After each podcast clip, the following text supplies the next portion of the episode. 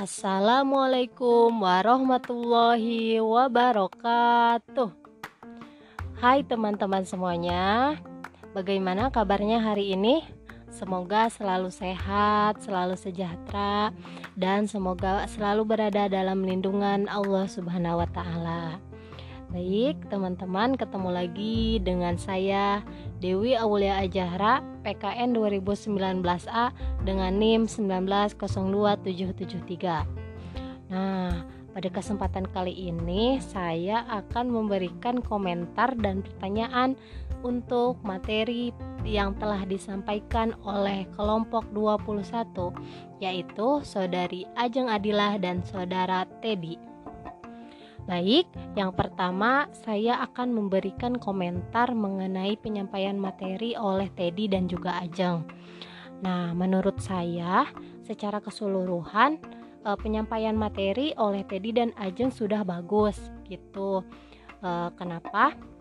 Karena eh, bahasa yang digunakan juga mudah dipahami, terus suaranya jelas, terus intonasinya juga bagus gitu. Jadi kita tahu mana hal-hal yang harus ditekankan. Terus ketika dia bertanya uh, intonasinya berbeda begitu jadi enak itu untuk mendengarkannya.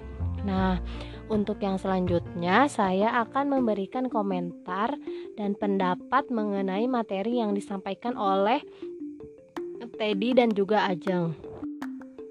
Saya setuju bahwa guru studi sosial harus mengajarkan politik kepada peserta didiknya. Kenapa?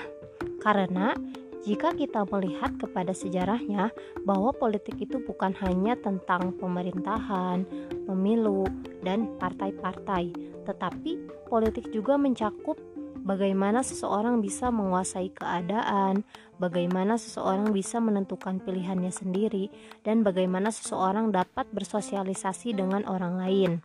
Nah, melihat kepada hal tersebut, maka guru studi sosial harus memberikan pembelajaran tentang politik kepada peserta didiknya.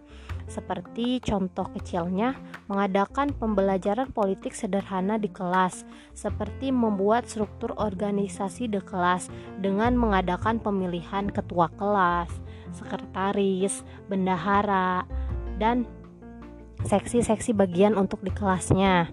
Nah, selain itu, uh, guru juga bisa uh, dengan adanya pemilu tersebut maksudnya pemilu pemilihan ketua kelas di kelasnya itu dengan memberikan kebebasan kepada seluruh anggota kelas itu agar bisa berpartisipasi berpartisipasi berpartisipasi aktif baik sebagai bagian dari organisasi kelas tersebut atau dia hanya sebagai anggota yang memilih saja begitu. Nah, untuk yang selanjutnya saya akan memberikan pertanyaan untuk kelompok 21 yaitu uh, seperti yang dijelaskan oleh Teddy dan Ajeng bahwasanya di materi chapter report uh, kelompok 21 ini dijelaskan bahwasanya mengajar uh, cara mengajar teknik mengajar politik studi sosial itu dijelaskan ada tiga. Nah tiga hal tersebut apakah bisa diterapkan di Indonesia atau tidak begitu? Mungkin eh, sekian podcast untuk komentar dan pertanyaan untuk kelompok 21 ini. Mohon maaf jika ada kesalahan-kesalahan kata. Terima kasih sudah mendengarkan podcast-podcast Dewi Aulia Ajahra. Sekian, terima kasih banyak. Wassalamualaikum warahmatullahi wabarakatuh.